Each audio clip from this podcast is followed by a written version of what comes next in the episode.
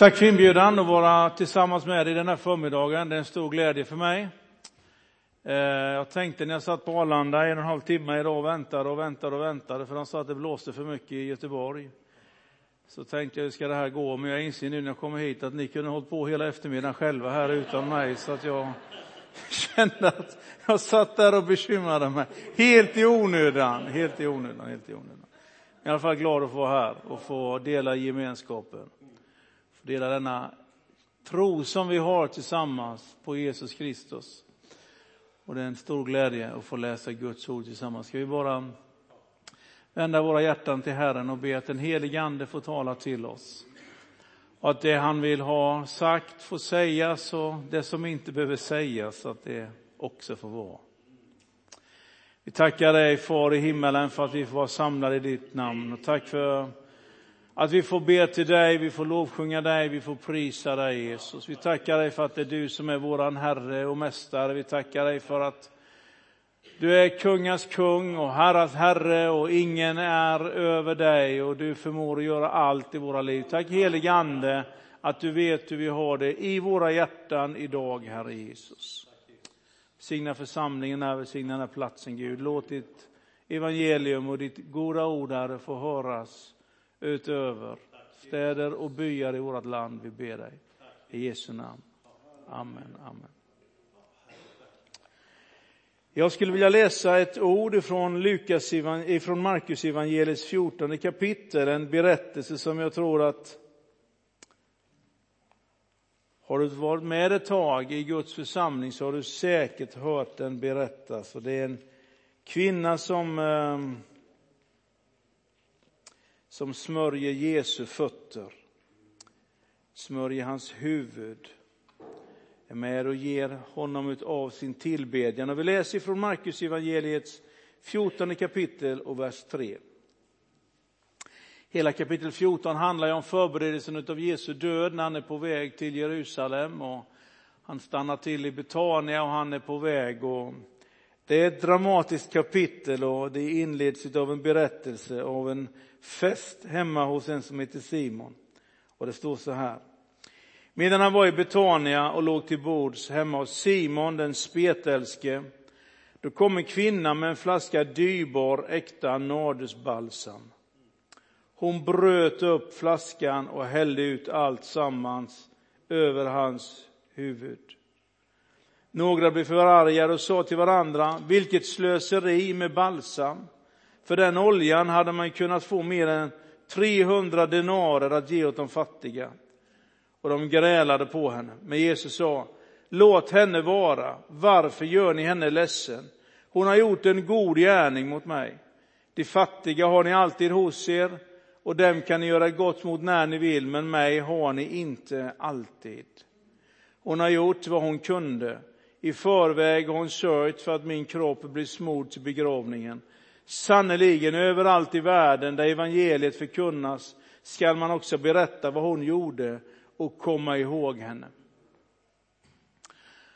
Det finns en kvinna och när Johannes evangeliet talar om den här så talar Johannes evangeliet om att det är Maria, Lazarus syster, som gör här, den här gärningen. Johannes evangeliet säger också att där finns Lazarus tillsammans där vid bordet när de ligger till bords tillsammans. Och det är på ett sätt en, eh, en, en vanlig kväll när de bara äter tillsammans sådär. Det står också i Johannes evangeliet att eh, Maria hon är med och betjänar och servar där vid bordet. Och så kommer då detta ögonblick när hon hämtar denna fantastiska, dyrbara ägodel som hon har.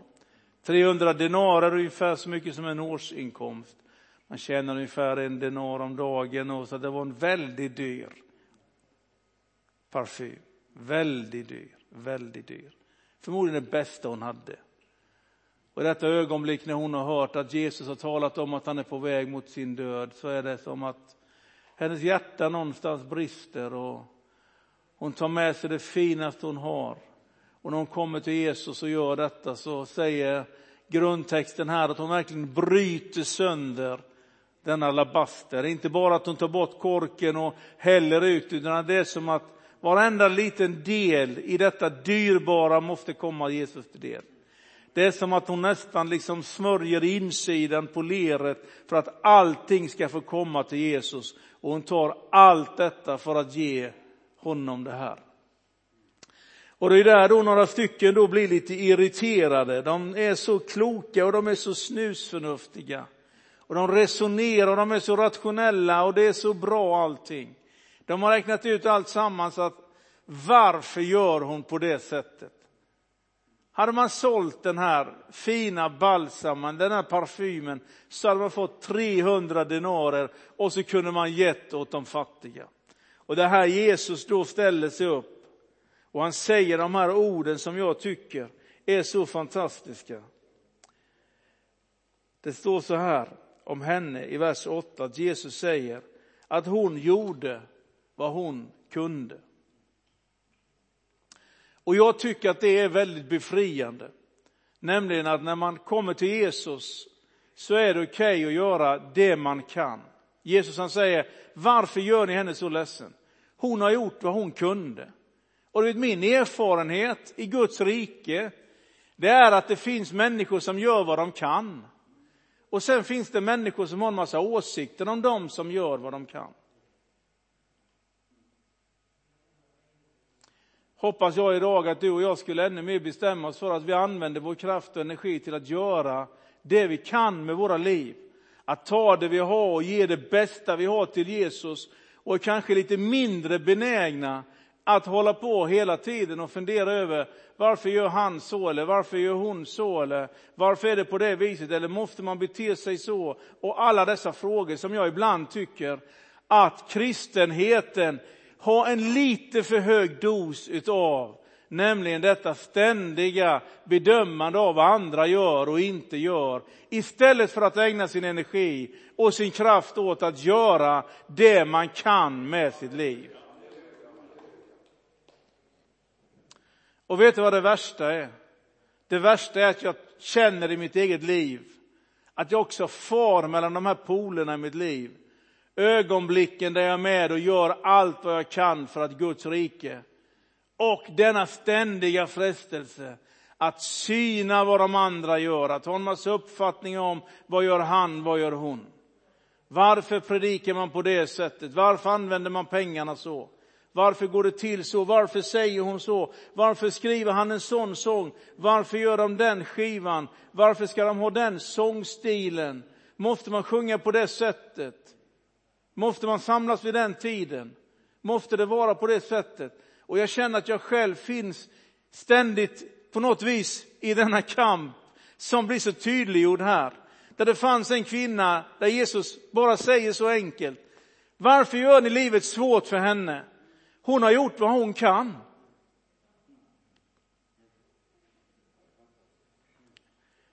Att göra vad man kan, det är det finaste man kan göra i Guds rike.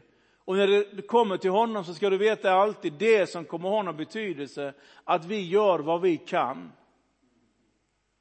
Jag tänker det om, om, om, om du finns här som är, tillhör dem som eh, känner att du eh, har mycket uppfattningar och åsikter om, eh, om vad andra gör och hur det går till och så vidare, så tänker jag att jag skulle säga det Jesus sa till eh, de som satt där, att gör henne inte ledsen.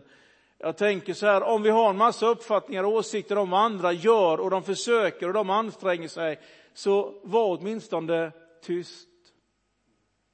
Du behöver inte dessutom använda den energin till att göra livet svårt för någon som försöker att göra sitt bästa, utan vi kan få uppskatta varandra över den energi och den kraft som vi ger. Vi förstår inte allt, men vi förstår när vi läser texten att det, det Maria gör, det är en profetisk handling. Hon har hört vad Jesus sa, det var en massa gubbar som Jesus hade sagt detta till också.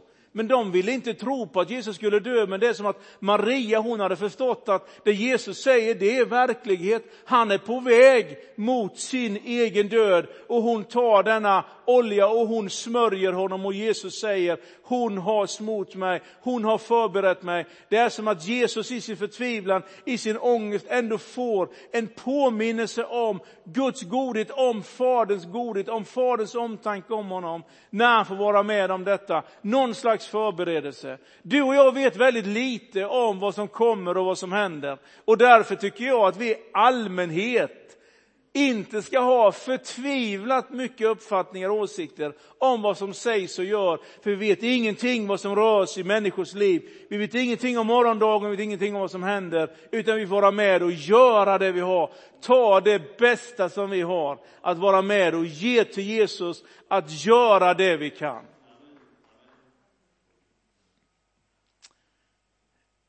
Min erfarenhet är också det att det är väldigt lätt att sätta fokus på det man inte kan. Det man inte förmår. Att se det man inte har. Jämföra sig med andra. Denna förbannelse som det verkar som att det aldrig riktigt släpper i livet. En del saker verkar gå över med åren, men just denna jämförelse verkar vi få kämpa med hela tiden, hela livet. Jag vet inte hur du tänker om dina gåvor och det du har. Det som är liksom ditt hjärta där du kanske känner att det uppskattas kanske inte riktigt i omgivningen. Du kanske känner att du känner dig lite udda, du känner dig lite annorlunda i det du gör. Jag skulle bara uppmuntra dig att göra det du kan och försöka att inte för mycket låta de där orden du får till dig klistra sig fast på insidan och ta bort glädjen över att vara med och ge det du har till Jesus Kristus. Vi kommer precis ifrån pastorskonferensen som Ingmar sa, vi var tillsammans nu i tre dagar. Och det är en fantastiskt god gemenskap, men du vet, där finns det gott om tillfälle att jämföra sig. Du vet, det är det ena lyckade exemplet efter det andra.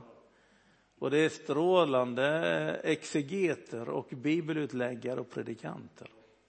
Det är många karismatiker och det är många som är väldigt levande i sitt sätt att framföra saker.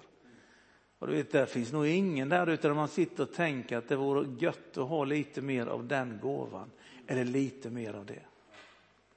Men utan att få vara med i Guds rike och veta att det som räknas hos Jesus, det är inte vad man inte har, utan det som räknas hos honom, det är det man har. Och det är man välkommen med till honom. Det finns flera sådana sköna principer. När Korintierbrevet talar om insamlingen till dem i Jerusalem så talar aposteln Paulus så tydligt om detta. Om någon har den goda viljan så är man välkommen med det man har och bedöms inte efter det man inte har. Så kanske det är i ditt arbetsliv att det är många som påminner dig om det du inte har, eller i skolan, det du borde göra, eller det du skulle göra, eller det du inte förmår. Och därför är det så befriande att vara med Jesus. Det är att jag får komma med det jag har till honom. Jag har idag förmånen att få vara med och arbeta med våra församlingar. Jag var ju pastor i Pingstkyrkan i Jönköping innan. Jag brukar berätta att där fanns det 2500 medlemmar och ganska många av dem de hade uppfattningar vad jag gjorde och inte gjorde. Jag inser att det inte är så här, men där vet du, var det så här att de tänkte och de tyckte en, en rad saker om Ja, predikan skulle vara lite längre och någon ville inte längre vara med i församlingen för det var för låg andlig nivå och någon tyckte att eh, annonserna var för stora eller nu när vi har dålig ekonomi och gjorde man dem mindre, det var alltid någon som hade svårt att läsa som inte tyckte om det. Så, så, att, så där var det med en mängd saker om klädsel och tider och stunder och allt detta. Nu får jag vara med och betjäna eh, många fler församlingar så nu känner jag att det är 82 000 till som har synpunkter.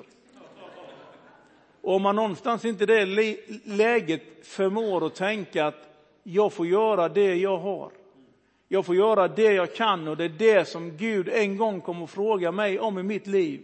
Inte att jag gjorde det någon annan kan, utan att jag använde de gåvor som Gud har gett mig att tjäna honom i den tiden, på den platsen där jag nu är. Men det är som att det tar aldrig slut detta med att tänka och fundera de där tankarna. Så kära broder och syster som är här, gör vad du kan för Guds rike. Ta det finaste du har och använd det för honom. Tjäna honom frimodigt med de gåvor du har. Och låt ingen ta glädjen ifrån dig. Synpunkter, åsikter, idéer och funderingar, de kommer att hagla så länge vi är på den här jorden. Men att vara fri och veta att Jesus som ställer sig upp, han tittar skarpt på dem som är där och han säger, varför gör ni livet svårt för henne? Hon har gjort vad hon kunde. Punkt i Guds rike. Det finns inget att tillägga, finns inget att, att fixa till efter det, finns ingenting att... Utan det är det som räknas. En gång kommer vi hem till far i himmelen, hoppas jag, hela gänget. Det är ju våran saliga tro. Och jag inser när jag läser Matteus 24, Matteus 25 och andras bibelställen att det jag en gång kommer få svara för, det är vad jag gjorde med mitt liv. Inte vad någon annan gjorde, utan vad jag gjorde. Jag inser att Gud kommer att titta kärleksfullt på mig och fråga, vad gjorde du med ditt liv Pelle? Med de gåvor du har fått utav mig. Hur använde du det under de dagar du var? Och du vet, jag kommer ju säkert, jag känner mig själv och försöka försvara mig så gott jag kan. Jag kommer ju klaga på, på besvärligheterna vindarna i Göteborg och svårt att landa med planen vet du, och det är mörkt och kallt i Sverige och sex månader, då pratar man inte med varandra. Och de andra månaderna som finns där så är det några få sommarkvällar och du vet det var besvärligt i Norden. Men Gud kommer ju ändå fråga, jaha, han lyssnar ju säkert jättefint men till slut kommer jag ändå fråga, vad gjorde du med ditt liv? Jag kommer säkert att fortsätta då tala om hur besvärlig äldstekåren var i Jönköping och styrelsen i Pingst FFS. Vet du, det var inte så lätt Gud i den tiden med det folket. Han kommer ju att lyssna för han är ju så fin Gud och är ju Gud av en anledning säkert. Men han kommer ju ändå till slut att landa i, jaha visst Pelle, men vad gjorde du med det som du hade i ditt liv? Vad gjorde du med de gåvor jag gav dig? Vad gjorde du med de tankar jag gav dig? Vad gjorde du med detta evangelium som du har fått? Vad gjorde du med den frälsning som jag gav dig? Hur använde du nåden i ditt liv? Vad gjorde du med allt detta? Till slut kommer det bara vara det som har någon betydelse. Att vi gör vad vi kan med det Gud har gett oss. Och där du finns och människor som har kanske förklenat det du har, förminskat dig, tagit någonting som är heligt och kärt ifrån dig Kanske till och med någon som har förlorat tron på din kallelse och det Gud har lagt i ditt liv för att människor har sagt saker. Jag skulle önska dig frihet den här dagen och bara bestämma dig för att göra det du kan. Den här festen är ju hemma hos Simon den spetälske. Och att vara spetälsk idag det är fruktansvärt och att vara spetälsk på den tiden det var ännu värre. Då var man oren. Simon han visste ju att han kunde inte följa med Jesus in till Jerusalem. Simon han visste att han var inte välkommen i någon folksamling bland de andra. Simon han visste att han kan inte följa med upp till templet. Han var inte välkommen dit. Men det Simon visste det är att jag kan öppna mitt hem. Jag kan öppna dörren till där jag bor och välkomna Jesus in. Och då gör han det. Vad kan du göra? Jag lyssnade till en man som hade fått vara med och medverka till eh, flera människor som hade kommit till tro. Så hörde en intervju med honom och då berättade han, ja han sa det, ja sa det är, det är så här sa han att jag är, jag är ingenjör och jag är duktig inom elektromekanik sa han. Och jag är duktig på liksom att eh, följa liksom linjära eh, mönster och förhållanden. Och han berättade om detta. Så han, jag har inte så lätt att, att prata, sa han, och jag har inte läst någon teologi, jag har inte gått på någon bibelskola. Men jag vet hur man öppnar dörren till mitt hem, sa han. Så berättade han om liksom han har öppnat hemmet varje onsdagkväll för människor som vill komma och samtala om kristen tro. Och han berättade om detta så fint. Han sa, det är mycket jag inte kan, men jag vet hur man öppnar dörren där hemma. Så. Att göra vad man kan i Guds rike, jag tycker det är så befriande att få vara med i detta sammanhang där vi bara får komma med det Gud har lagt i våra hjärtan. Han får använda det vi har där hemma, våra förmågor, våra möjligheter och vi kommer aldrig att bedömas efter någonting annat. Så må Gud hjälpa oss att vi lägger energin på att använda det Gud har gett oss, detta, denna goda gärning som vi kan få vara med och göra i det här. så säger Jesus så här, sannerligen, överallt i världen där evangeliet förkunnas ska man också berätta vad hon gjorde och komma ihåg henne. Och kanske det här är det skönaste av allt. Att där sitter några stycken och klagar.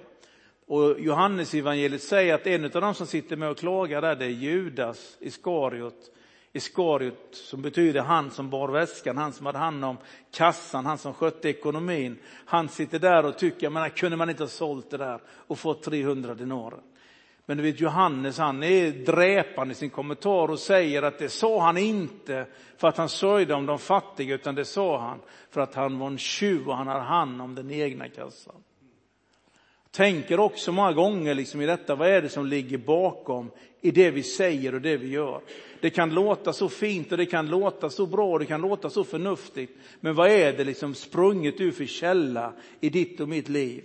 Och det var inte alls omsorg om de fattiga, utan det var kärleken till pengar som visade sig som drev det här samtalet när de far ut och är oförskämd mot Maria, mot kvinnan och ger sig på henne, så är det någonting annat. Och det tänker jag om mig själv också faktiskt, när jag känner att jag har mycket synpunkter och någonting så brukar jag försöka ställa frågan, vad är drivkraften till detta? Vad är liksom motivet till det jag tänker och det jag säger? I vilken källa är det sprunget? Är det av kärlek till människor eller är det kärlek till Kristus? Eller är det bara att inte mina egna behov tillgodoses?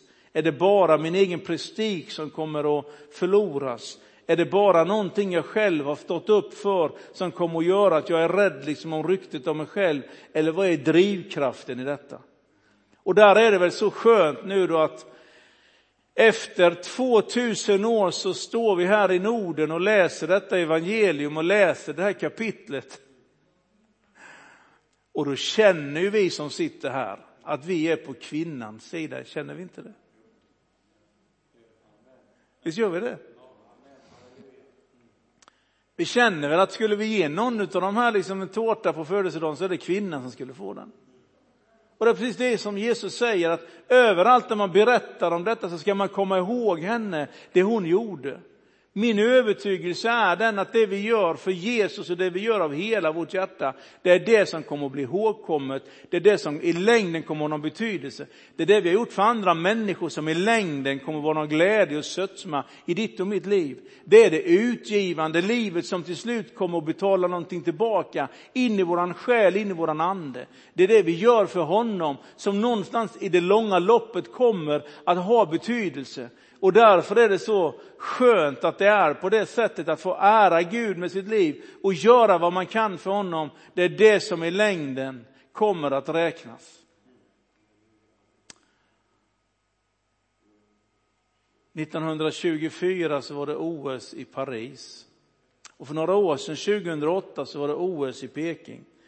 Och då gav man ut några dokument ifrån krigstiden som man hade när man kämpade under andra världskriget. Och man visade en del fångutväxlingar mellan japanerna och mellan från de kinesiska lägren. Då gav man bland annat ett dokument och man talade om en som hette, eh, om en som hette eh, eh, Liddell. Då berättade de att det fanns en som hette Eric Liddell som var missionär i Kina som vid den här fångutväxlingen hade fått en plats att få lämna. Men han hade liksom inte tagit den platsen utan han hade gett den platsen åt en kvinna som var gravid och hennes lilla barn och hade vädjat om att han skulle få stanna i fånglägret för att hon skulle få ge sig av. Och det var liksom en stor grej omkring detta hjältemod. Och den som då kan historien omkring OS och idrott och kanske har sett den här filmen Chariots of Fire eller Triumfens ögonblick har sett filmen om Erik Liddell. Hur skottarna hade på 20-talet en som kunde springa 100 meter, 100 yards fortare än alla andra i världen. 1923 är Erik Liddell med och slår världsrekord och vinner över amerikaner och skottarna. De var hur glada som helst. Sen skulle det vara våra OS i Paris och skottarna såg fram emot att för första gången få en OS-medalj hem till Skottland. Så de skickade dit sina bagpipes och sina band och spelade där och de var förberedda och de visste att det skulle ske. Och då berättar historien att Erik Liddell, som var varmt troende, som levde med Jesus Kristus som sin frälsare och hade lovat Gud, Gud, jag ska använda min snabbhet att springa för dig. Men söndagar, hade Erik Liddell sagt, då ska jag aldrig tävla, då ska jag alltid sitta i Guds församling tillsammans med syskon och prisa Jesus tillsammans med dem. Så när det visade sig 1924 att finalen skulle springas på en söndag, så var Erik Liddell tvungen till att avstå. Alla var besvikna.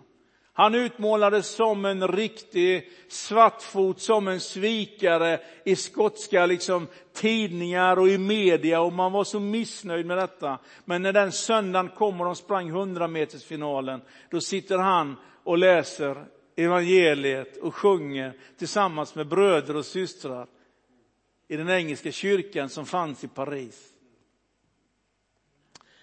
Då berättas det att det finns en i det här landslaget som är med och ger honom möjlighet att springa 400 meter.